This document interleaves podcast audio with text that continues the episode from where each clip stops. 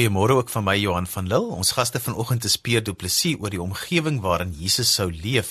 Dr Flip Buys help met raad om nuwe mense in 'n gemeente te verwelkom. Ry Okkit is blind en vertel van sy kunsklas ervarings en Andre Bartlett gesels oor die Andy Warhol uitbeelding van die laaste avondmaal. Net vir ons groet vanoggend gesels ons met Dr Janie Leroux van Gordons Bay oor die geure in ons lewe. Daar's al die gewone kanale waar jy ons kan kry op RSG se webwerf by rsg.co.za of op DStv se audiokanaal 813. Die potgooi is op die webwerf beskikbaar en jy kan SMS na 34024 as jy wil saamgesels. Ons is ook op Facebook onder Sondagjoernaal en daai Sondagjoernaal word geskryf met 'n koppelteken en jy kan ons volg op Twitter en my handvatsel is Liselde Brein 3 alles almekaar.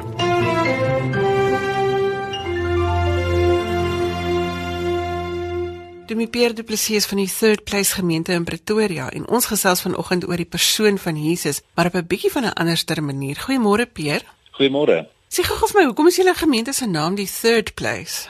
Want uh, ons het op die konsep afgekom dat jy het meer as een plek in jou lewe. Jy het uh, jou huis wat een plek is en dan jou werk wat 'n ander plek is en dan gewoonlik het almal 'n derde plek in hulle lewe waar hulle uh, bymekaar kom of hulle verhoudings bou, vriendskappe bou en so vir party mense sien nou maar 'n koffiewinkel of vir ander mense die gym of so en ons gedink kerk speel nogal so 'n tipe rol dit ook 'n tipe third place of 'n derde plek Pierre het nou gepraat van koffie, maar ons sintuie speel 'n baie groot rol in ons elke dag se bestaan. Gesels met ons oor Jesus en wat die geure rondom hom sou wees. Wel, ek dink geure speel vir ons baie groot rol in ons in ons gemeenskap. Koffie is baie belangrik ook.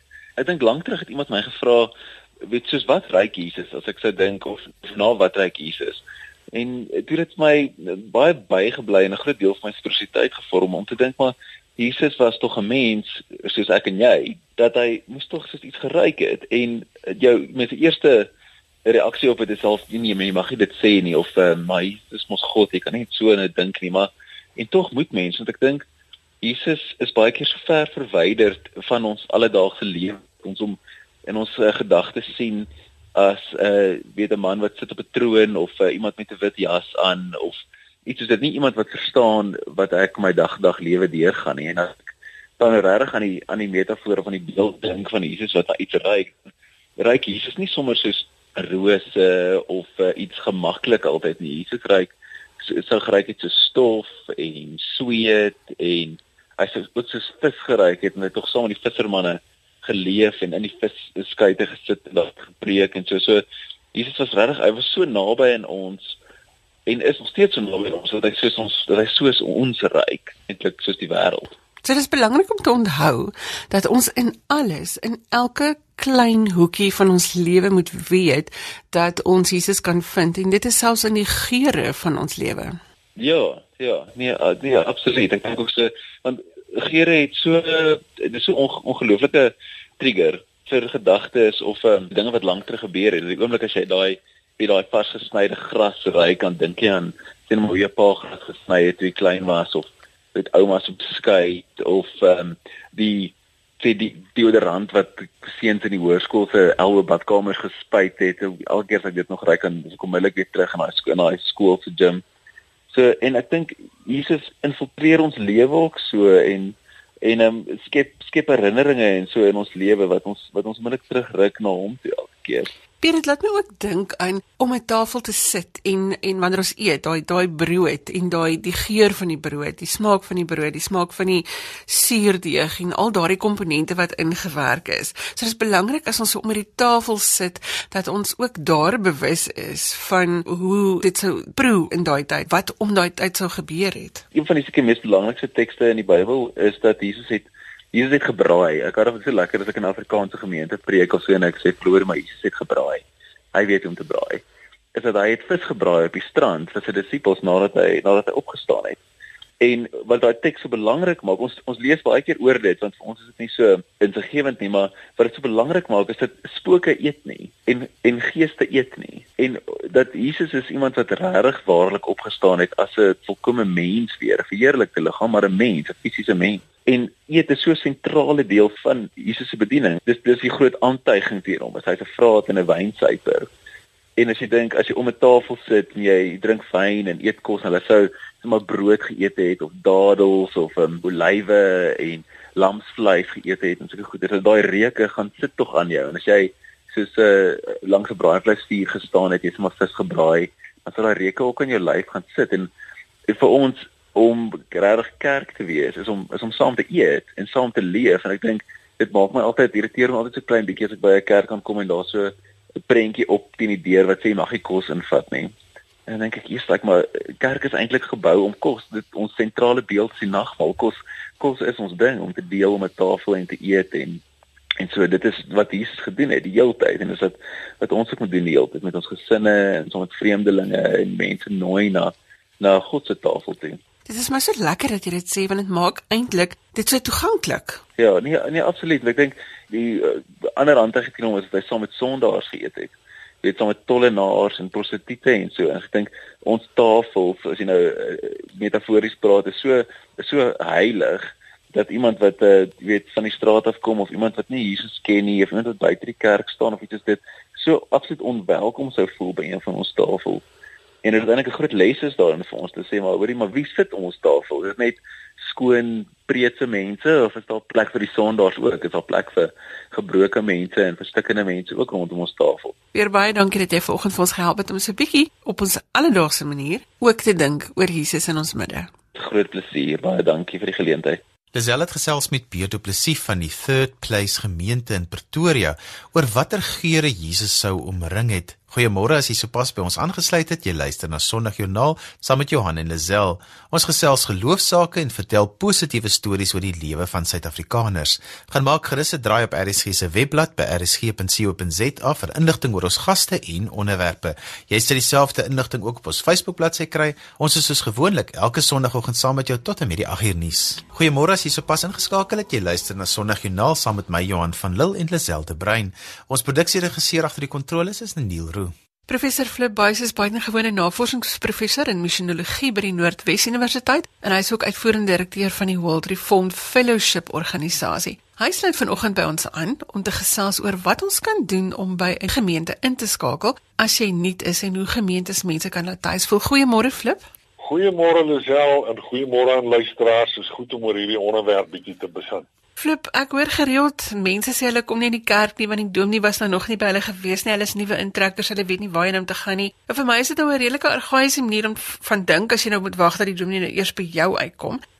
Wat kan ons doen om gelowiges meer welkom te laat voel? Wat is jou ervaring? Hoe word dit deur verskillende kerke in die wêreld gedoen? Kom ek probeer 'n paar belangrike beginsels opsom wat ek in my eie teologiese navorsing en ondervinding geleer het, maar ook gesien het hoe dit in gesonde groeiende kerke op verskillende plekke in die wêreld toegepas word. Ek dink die heel belangrikste is 'n kernbeginsel dat die liefde van Christus in die gemeente moet heers. Jesus het ons gesê in Johannes 13:34, 35, ek gee julle 'n nuwe gebod, julle moet mekaar lief hê. Soos ek julle liefhet, moet julle mekaar lief hê.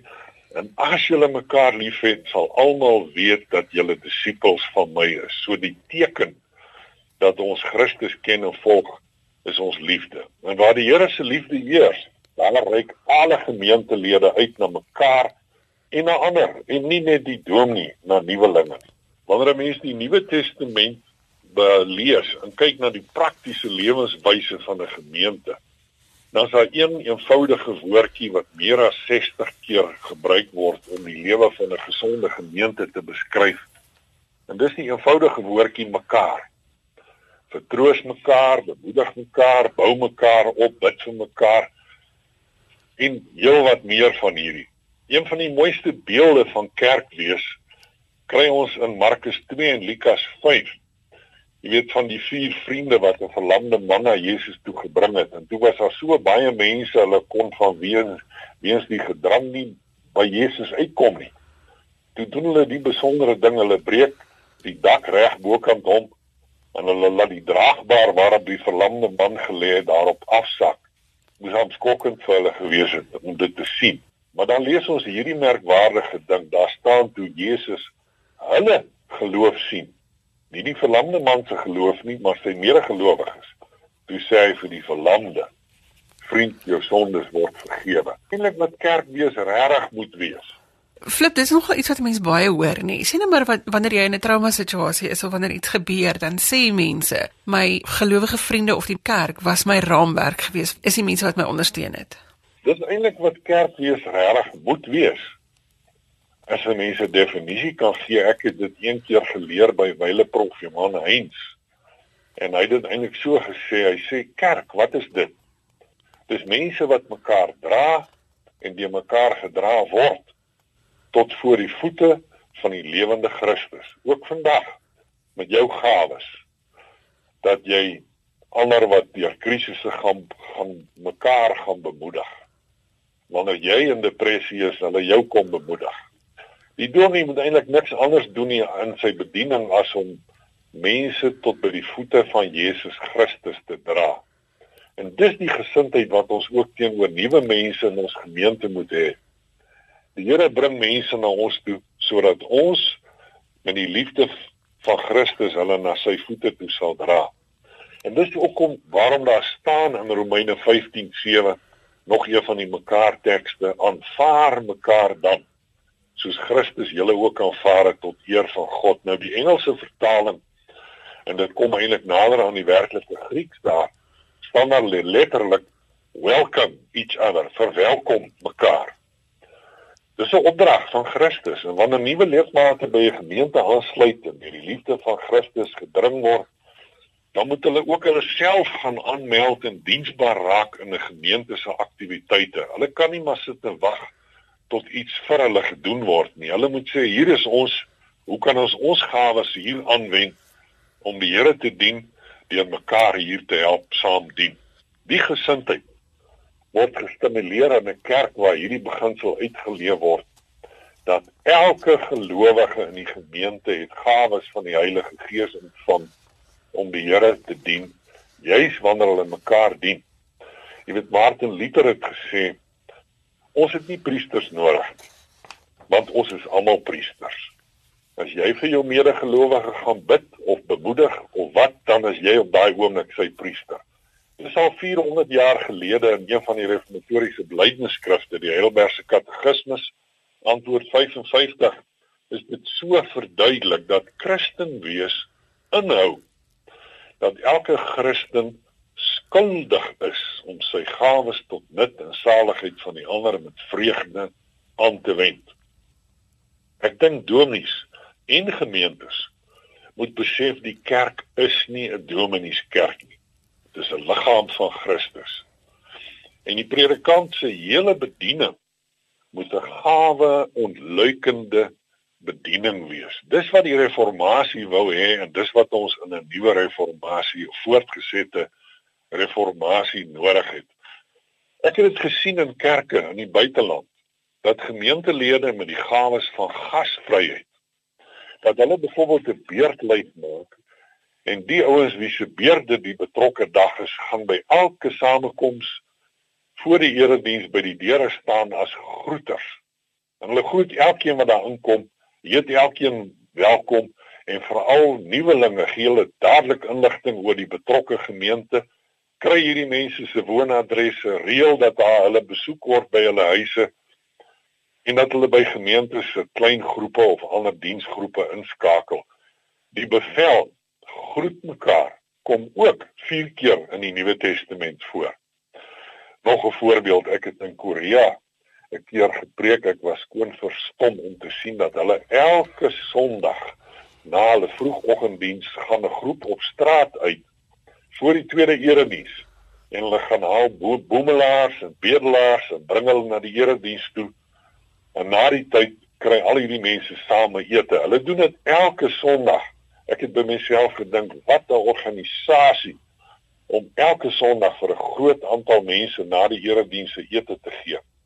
Maar daarom maar daardie oggend, juis ook toe ek daar gepreek het, 'n hele aantal van hierdie boemelaars wat tot geloof gekom het, hulle nuut gevonde geloof in Christus vir die gemeente bely.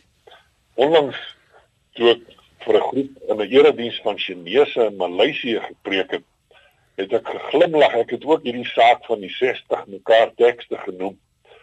En toe ons uitstap, toe sê die dominee vir die gemeente: "Nou terwyl ons uitgaan, sê nou een van die mekaar tekste vir ten minste 60 ander mense in hierdie gemeente. In een gemeente waar ek self jare lank predikant was en ons gemeente al meer bewus geword het van hierdie Bybelse beginsel van 'n verskeidenheid genadegawes, het 'n hele aantal mense juis bewus geword dat hulle die gawe en die roeping het om leiding te neem in die gemeente se opdrag om gasvry te wees. 1 Petrus 4:9 wees gasvry teenoor mekaar sonder om te kla. Toe vorm hulle diensgroep en hulle gee die diensgroep die mooi naam die ontmoet mekaar diensgroep. Ek was verbaas as dominee en aangenaam verras om te sien watter mooi inisiatiewe hierdie diensgroep begin het om mense te help in die gemeente om gewoon mekaar te ontmoet. Lisel, ek vat dit saam, want ek het die Bybel en in die praktyk al meer leer. Is waar die dominee enigstens kan, moet hy nuwelinge besoek, maar dis baie baie belangriker dat sy bediening die gemeente se gawes van hartlike gasvryheid moet laat ontluik. Flip baie dankie dat jy vanoggend vir ons gehelp het om hieroor saam te dink. Dankie vir die saamgesels. Baie seën, sterkte ook vir gemeentes om ontmoet mekaar diensgroepe aan die gang te kry. Lazel het gesels met Dr Flip Buys oor gasvryheid. Lazel, jy het op Woester gaan kuier by 'n kunsklas vir blindes. Dit was my baie unieke ervaring Johan en ek is met groot nederigheid gevul. Ek het uh, met Ry Oket gesels oor sy ervaring en Dinsdag aand in RSG Kuns gesels ek ook met Ry nou Eksteen wat die klasse aanbied en twee ander dames wat ook in die klas was. Maar kom ons laat Ry self vertel. Ek het blind geword toe ek 16 jaar oud was en dit was in 1961. Wat het gebeur? Uh kriketongeluk, hout in die kop en dit het die uh, retina geskeur en dit het daai tyd natuurlik nie so maklik gegaan om sulke operasies te doen nie um, of die gevare daarvan was natuurlik groter dat hy weer kan skeur ensovoorts. Nou ja, dis maar wat gebeur het. Jy was 16 jaar oud, 'n tiener, besig met jou lewe op daai punt waar alles moet ontwikkel. Hoe het dit vir jou gevoel toe jy blind geword het? Wat is die pad wat jy met jou geloof en met die Here gestap het? Weet jy, dit is 'n baie interessante ding. Ehm um, 'n mens het natuurlik nog jou kinderjare te veral as jy op kosskool was, het jy natuurlik jou jou pad deur die kerk en deur geloof gegaan. En uh, op daai stadium was ek nogal taamlik rebels geweest. Ehm um, jy weet hoekom en waarom ensovoorts. Later in my lewe het ek 'n argument gehad met 'n dame nogal in 'n bus oor die presiese onderwerp, jy weet 'n uh, eh, bevraagteken. En toe ek uh, tot die besef gekom dat uh, ek was verkeerd om dit te bevraagteken. Daar moes 'n doel mee gewees het. Nou wat die doel was, uh sal 'n mens dalk nooit weet nie, maar as 'n mens so dink aan so deur die deur die pad wat jy geloop het, uh daar het sekere dinge gebeur in jou lewe, dan dink jy, "Wow, dit is seker maar deel van die pad wat jy geloop het oor jy weet wat sou met jou gebeur het as as jy dalk nie uh, die ongeluk gehad het nie." So mens weet nie altyd nie. So baie jare later het ek tot die besef gekom dat daar 'n 'n doel mee gewees het. En daar het natuurlik verskillende goed gebeur en uh onder andere byvoorbeeld uh, die uh, ongeluk wat ek so in 2008 gehad het waar 'n 'n 4x4 voertuig oor my gery het en uh ek op daai stadium gedink het wel ek ek het eintlik hardop gesê Here ek kan nie glo dat dit die einde van my pad gaan wees nie En weet jy, uh, ek het daar uitgekom pompel en pers, maar nie een gebreekte been nie. Jy kan dit nie glo nie. Nou van daar af het my geloofslewe eh, 'n uh, taamlike draai geloop. Uh, ek gaan nie sê ek is, is heeldag in die kerk of iets van daai aard nie, maar my hele lewe gaan daaroor oor regverdigheid en Ry, ons sit in 'n kunsklas en jy het Tafelberg geteken. Ek kan dit herken, ek kan dit sien. Wat beteken kuns vir jou? Weet jy, dis 'n baie interessante situasie. Uh Irene de Bot het vir my eendag kom vra of ek daaraan sal dink om om iets te verf as 'n blinde persoon. Nou moet ons uh, baie definitief nou sê ek kan glad niks sien nie. So met ander woorde wat ek verf, kan ek nie sien wat ek doen nie. Ek maak maar staat op ander mense se opinies om vir my te sê dis mooi of dit is nie mooi nie of wat ook al. Maar uh, my ma was ook 'n kunstenaar en ek het dit altyd bewonder. En weer eens, ek self het nooit regtig daaraan gedink om so iets te doen nie, maar toe Irene nou vir my vra, toe sê ek vir haar, ja, ek sal die uitdaging aanvaar. En uh toe vra sy nou maar wat gaan ek vers? Ek sê wel uh, ek het Tafelberg het ek in my gedagte, maar toevallig was dit nou nie my eerste uh, skilderstuk nie. Um, in die uh, galery wat ons hier het, uh, is 'n skildery wat ek letters van die die instituut geneem het. Jy weet die instituut INST, jy weet daai uh, uh, letters. En ek het elke letter 'n ander kleur gegee. En ek het hulle so oor mekaar jy weet die die N het ek so gemaak byvoorbeeld en die T's het ek so gemaak en die U tussenin en die U tussenin. En uh ag in die agtergrond was 'n son jy weet so oranje son en uh die mense moes nou probeer kyk wat daar staan en uh baie min mense het eintlik dink ek is dit net een wat regtig dit kon agterkom dat dit die instituut was maar nadat ek dit gesê het toe kon almal dit raak sien. Verduidelik vir my van die twee skilderye wat hier voor ons lê. Goed, hierdie hierdie twee skilderye uh baie interessant. Ek het 'n uh, uh, ander Tafelberg eerste gedoen en die was in die galery en dit iemand nou gekoop. En toe het iemand dit nou gesien en gevra ek moet vir hulle ook. So dis 'n opdrag wat ek gekry het om weer vir hulle 'n Tafelberg te verf. Nou ja, hy is nie dieselfde as die eerste ene nie. Ek dink dit is heeltemal reg ook, jy weet die die twee moenie dieselfde wees nie, maar ek sal dit ook nie kan doen nie want ek kan nie sien om dit dieselfde te doen nie. Maar hierdie ene is nou spesifiek 'n opdrag van die persoon En uh toe ek nou maar net gesit en dink en uh hier hier lê hy voor jou. Ek uh, weet nie wat dink jy van hom nie? Ek kan sien hierdie een het heelwat meer kleur in as die vorige een wat jy gedoen het, maar ja. ek kan ook sê dit is presies hoe Tafelberg lyk. Ja. Jy het die presiese vorm geteken. So wat ja. onthou jy in jou gedagtes wat jy nou hier weer gee? Dit is een van die interessante dinge uh kleur onthou ek. Kleur onthou ek baie baie duidelik en uh, vorms ook uh, as ek nou byvoorbeeld in my geestesoog kyk na na Tafelberg dan dan sien ek dit in my in my geestesoog. Soos Robben Eiland byvoorbeeld en al die plekke ek ek sien dit in my geestesoog. Tafelberg geteken die die berg is blou en die lug is 'n donkerder blou hoe bly jy buite die lyn nou hoe hoe het jy die lig donkerder blou gemaak as die berg? Uh, ek het uh, vir vir Reyno wat vir ons oplei uh het ek gesê ek ek soek daai spesifieke tipe uh kleure uh om uh, om dit uh, te skilder. So ek het maar spesifiek vir hom gevra. En uh nou ja, jy sê hiersoos nou 'n bietjie meer kleur in. Ek het dit juis gedoen om om die die verskil in die twee uh skilderstukke te doen. Jy weet dat uh visueel moet hy moet iemand maar sy gedagtes gebruik om te sê wat wat sien hulle. En die ander skildery links van jou? Ah, interessant genoeg hierdie ene. Een aand het ek uh, net 'n gedagte gehad, wat moet ek nou doen? Ek kry nogal hierdie gedagtes in my kop uh, in die nag as ek wakker word, dan dink ek, "Jessie, wat gaan ek nou doen?" En so het elke skepping van my nou uh, gebeur. En toe kry ek nou uh, die idee ek wil die lugruim met die sterre en die suiderkruis en die maan en dan hier en daar uh die planeet, jy weet, rooi vir die Mars en en so voort sy met uh die see vooraan. Kyk, hy's nog ver nie klaar nie. So die see gaan hier vooraan kom en dan uh met 'n klompie rotse wat ek hierso so voor en dan agter die rotse gaan ek 'n bootjie teken met uh, met 'n mannetjie binne in die bootjie. Ek het 'n uh, so 'n ding gevat en ek het drie harte ges geskilder, een daar, een daar, een daar.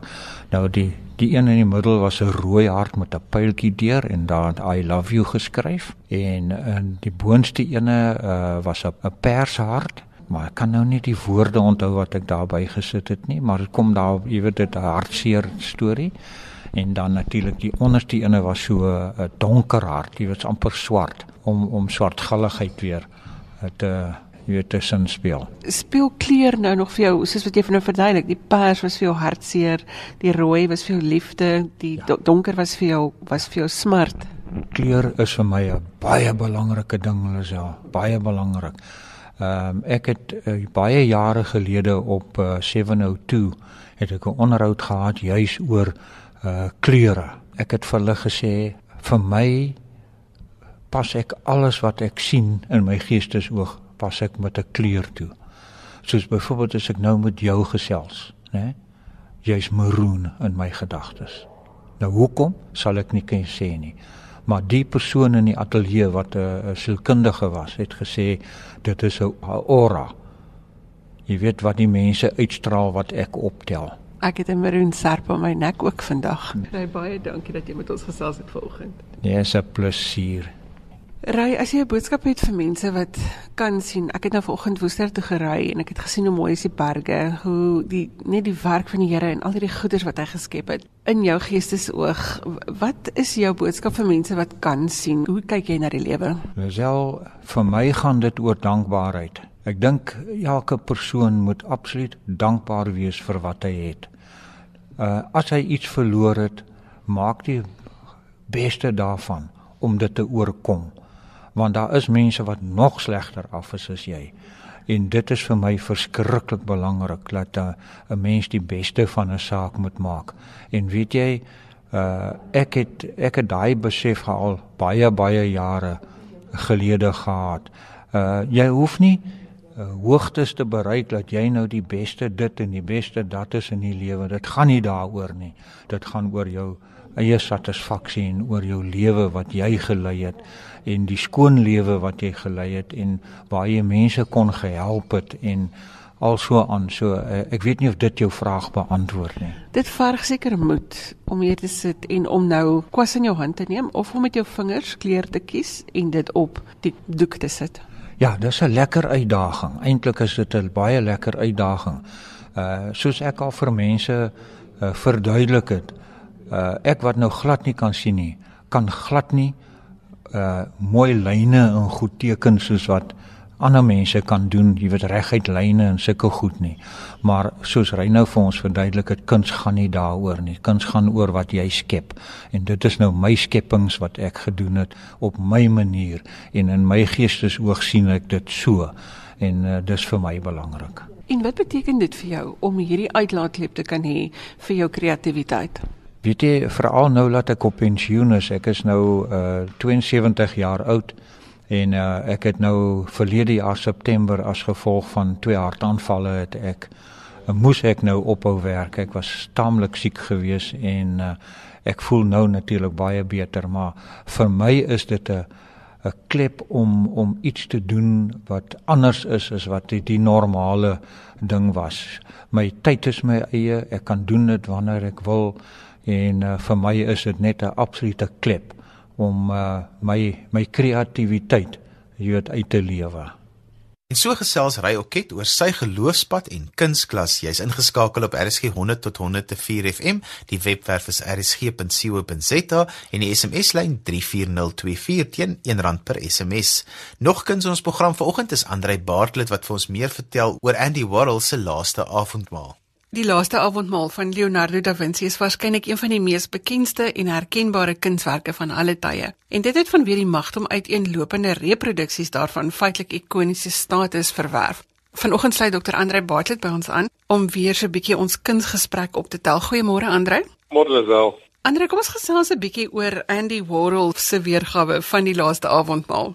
Ja, dit is 'n baie interessante uh versameling. Dit is 'n redelike groot uitstalling wat hy uh, kort voor sy dood uh, gemaak het van 'n uh, hele reeks skilderye wat verwys na die Da Vinci werk. Meer as 100 skilderye wat in vir 'n uitstalling in Milaan gedoen is en die uh, uitstalling is gehou spesifiek in 'n galery wat uh, uh, reg oor die straat is van die kerk waar Da Vinci se skildery uh, is. Da Vinci se skildery is 'n muurskildery teen 'n muur binne in die kloosterkompleks van die kerk in Milaan en die opdragwerk van aan Andy Warhol was toe nou om 'n uh, uitstalling te hou wat gebaseer is op wat verwys na die laaste avondmaal. Die reeks van skilderye is meer as 100 wat op verskillende maniere verwys na die Da Vinci skildery. Die interessante is dat hy met die skildery in hulle huis se kombuis groot geword het.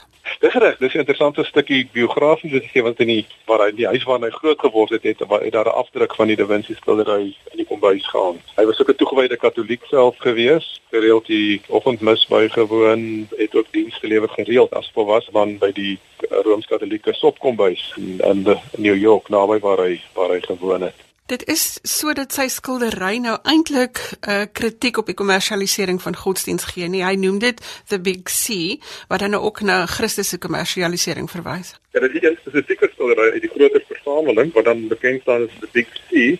Nou die naam is ontleen aan die die woorde wat redelik prominent op die skildery afgedruk is, the big C. En die die oorsprong daarvan is 'n koerantadvertensie oor kankerbehandeling verwysende na kanker as the big C die die groot onnoembare siekte uh, en eintlik die siekte wat as jy hoor jy kanker soos 'n doodsvonnis oor jou oor jou uitspreek. Maar dan op ironiese wyse word dan nou hierso is die is die verwysing hier na Christus as the big C. En 'n skildery wat wat as mens hom nou ontleed eintlik kommentaar lewer oor die kommersialisering van godsdienst en dan die kommodifisering van Christus wat amper dan weer van Christus wys as the big C uh, op 'n ironiese manier uh, iets sê oor die feit dat Christus as 'n soort uh, kommoditeit uh, voorgestel word. En daai kommoditeit vertaal amper in hierdie bekendheidskultuur dat dat uh, Christus 'n tipe van 'n celebrity geword het. Dis en dit is dis natuurlik 'n ander deel van van bekende deel van Warhol se se werk is dat hy so so so die oeuvre is dat hy dat hy 'n groot reeks skilderye gemaak het van stukke celebrities, uh, Marilyn Monroe, James Dean, uh, Elvis Presley, verskillende ander uh, celebrities. En, en eintlik dan in hierdie konteks Christus ook voorstel as iemand wat in 'n in 'n populêre uh, populêre soort godsdienst voorgehou word as net nog 'n nog 'n celebrity wat amper dan in die groter verbruikers tot die die, die afgekend daarvan Christus voorgestel word as 'n nuttige kommoditeit. Uh soos wat die uh, kankerbehandeling nou kan help om die C te hanteer so kan Christus as die C uh, kan hy ook vir mense op 'n of ander manier iets beteken. So ironiese soort kommentaar wat wat uh, wat Warhol uh, lewer op hierdie manier deur Christus en hierdie uh opskrif uit 'n koerant advertensie met mekaar in verband te bring. Andres, hierdie is nou 'n tipe van 'n moderne skildery. Hoekom is dit belangrik dat ons deur kuns ook die boodskap van geloof moet uitdra. Het sy of dit nou kommentaar is op op hoe dit verkeerd gedoen word of uh die uitbeelding van hoe dit reg gedoen word. Ek kunstenaar dink ek beskik oor die vermoë om om dieper te kyk. Hulle het op 'n in 'n sekere sin 'n roos die amper 'n derde oog waarmee hulle nuwe verbande tussen goed lê en op 'n manier kreatief uh verskillende goed te mekaar uitbring. So vir my persoonlik help kuns altyd om 'n nuwe perspektief en 'n kreatiewe perspektief op op op sake te kry. Uh of dit dan nou uh ondersteunend of uh hoe ook al is. Uh so ek ek persoonlik hou baie daarvan om om van kuns gebruik te maak. Uh maar dan nie op 'n soort van 'n oppervlakkige manier as 'n soort uh triek wat jy nou maar gebruik om mense te probeer oorreed nie, maar dit gaan eintlik maar kyk kuns het ook die, die vermoë om vir die kyker te help om om uh, dieper oor dit dink te dink dieper as net die doodgewoon uh, rasionele om die kuns op 'n sekere sin jou help om uh, op 'n dieper emotiewe vlak dinge te verstaan. Hierdie spesifieke skildery dan uh, vir mense op 'n manier help om te te sien hoe dat uh, godsdienst gekommersialiseer kan word. En eintlik dis 'n protes ook teen die kommersialisering van van van van godsdienst. Hoe moet ons waak daarteenoor Andre? Hoe moet ons waak dat dat ons geloof en dat die kerk nie kommersieel word nie? Ek dink dit is te fokus op die op die boodskap van die van die evangelie self, te op te fokus byvoorbeeld in in, in eredienste nie op op so 'n vermaaklikheidsbenadering maar op werklike aanbidding van God. Uh en om te, te fokus op dit waaroor godsdienst in diepste van in plaas daarvan om godsdienst net uh, nog 'n bykomstigheid te mense lewe te maak, nog 'n soort van 'n uh, uh ja iets 'n uh, kommoditeit wat wat nuttig kan wees. Uh uh en ek dink op 'n groter klem op dit groter klem te lê op op werklike volgelingskap om net nie te sê ons is nie om te sê ons is nie bewonderaars van Christus nie, maar ons is navolgers van Christus. Wat beteken ons probeer verstaan waaroor Christus werklik gaan wat sy uh die die sy boodskap is en wat sy betekenis wat betekenis van Christus se boodskap ook vir ons tyd is, vir ons lewe, vir die manier waarop ons onsself in die in die in die wêreld uh besig hou met met met die saak van God se koninkryk. Terwyl ons nou by die laaste avondmaal is, Jesus het sy disippels rondom die tafel gehad. Dit is dan sekerlik ook belangrik dat ons as gelowiges bymekaar kom, dat ons saam eet, saam ons geloof beoefen en saam 'n netwerk vorm om mekaar te ondersteun. Ek dink dit dit is die, dit is die die die die boodskap wat mense kry deur meeste van die uh, avondmaal skilderye, Da Vinci sin wat dan ook die die die groot verskeidenheid ander wat daar deur die eeue tot stand gekom het. Dit dit, dit druk gee elke keer uitdrukking aan die aan die gemeenskapskarakter van van die Christelike geloof om te sê ons is nie individuele mense wat net dis net ek en, en net ek en God wat deur Christus in mekaar verbind word nie maar dat ons in Christus ook uh, aan mekaar verbind word en dat dit 'n gemeenskap skep en dat ons as gemeenskap uiteindelik uh, in die wêreld 'n verskil maak. Andre baie dankie vir die samestelling vanoggend. Baie dankie en 'n mooi dag vir jou ook. Andre Bartlett het gesels met Lazel oor Andy Warhol se laaste avondmaal. Onthou dat al ons gaste se kontakinligting is gelaai op RSG se webblad en Sondagjoernaal se Facebook bladsy.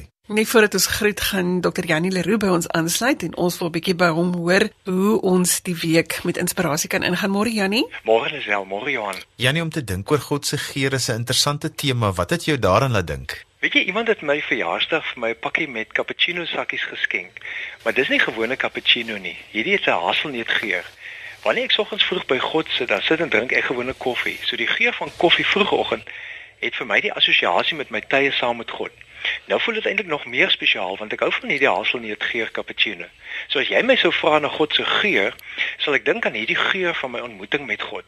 Ek het al gehoor van mense wat vertel as hulle 'n intense ontmoeting met God het, hulle met eens 'n spesifieke lekker geur ruik, selfs al is daar geen fisiese geurmiddel naby nie.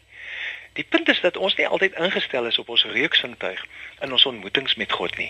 Ek dink ons het al so gewoond geraak om te lees en te luister in byvoorbeeld die eredienste dat 'n mens vergeet dat daar ander sintuie is wat 'n mens ook kan gebruik om jou geestelike lewe te verryk. Dis baie beslis so. God het ons geseën met ons sintuie nie net om ons eie lewe te verryk nie, maar juis om iets meer van God ook te beleef. As ek dink aan sekere heilige plekke, onthou ek meermale die geur van daardie omgewing ook. Wanneer jy dan daardie geur op 'n ander plek ruik, dan neem dit jou onmiddellik terug na waar jy dit aanvanklik saam met God geruik het. Byvoorbeeld die geur van kersse wat brand sal my altyd herinner aan die laaste paar tree voordat 'n mens in die geboortekerk daar in Nasaret afdaal en waar die stille nag gesing het. Soveel mense het al daar vir God beleef. Ek het destyds op die internet die verhaal gelees van Denai Lou Blessing wat na slegs 24 weke se swangerskap in 'n noodoperasie gebore is. Die dokter het gesê hierdie kindjie het net 'n 10% kans op oorlewing. Wonderbaarlik het sy bly leef. Haar ouers kon haar eers toe sy 2 maande oud is vir die eerste keer in hulle arms neem. Toe sy 5 jaar oud is, is hulle by haar broer se bofbal oefening. En toe vra sy vir haar ma of sy dit ruik. Haar ma antwoord dat dit ruik na reën, so net voor die naderende donderstorm. Toe sê klein Denai terwyl sy aan haar skouers raak: "Nee, dit ruik na God wanneer jy met jou kop teen sy bors lê." Vir haar ma was dit die troos dat in al die maande waarna hulle haar nie kon vashou nie, God dit wel gedoen het. Nou vir ons wat uit die Karoo kom, het die geur van die eerste druppels reën in die stof altyd die troos dat God uitkoms gee, dat God ons gebede verhoor. Ja nee, die Bybel ook iets oor hierdie geur van God se teenwoordigheid te sê. O ja, ons lees byvoorbeeld Eksodus 30, dan wil God hê Aaron moet elke oggend en elke aand wierook brand as 'n wierookoffer. Dis die geur van 'n lekker ruikoffer wat God verlang. In dieselfde hoofstuk word ook genoem waarvan die olie gemaak moet word, waarmee daar gesalf moet word. Speserye soos mirre, geurende kaneel, geurende kalmoes en kassie kom ook in die olyfolie. Nou interessant, Jesus word die Messias, met ander woorde die gesalfde genoem. Mense kon die gesalfdes soos die priesters letterlik ruik. So as mense dan vir Jesus die Messias noem, is dit hierdie geur wat hulle in gedagte het, die geur van iemand wat geheilig is vir God. In Jesus se geval dan God self. So as mense Jesus die Messias noem, dan weet hulle hy ruik na die heerlike heiligheid van God. En nou die verrassing. Volgelinge van Jesus moenie dink jy ruik na niks nie. In 2 Korintiërs 2 vers 14 en 15 herinner Paulus dat God deur ons die kennis van Christus oral versprei, 'n aangename geur. Ek en jy is die wierook wat deur Christus vir God gebrand word. Janie, sou dit die sin wees waarmee jy vir ons saamvat en hierdie week instuur? Soek die teenwoordigheid van God in genotvolle geure sodat jy jouself en die wêreld kan herinner hoe lekker ruik die lewe saam met God.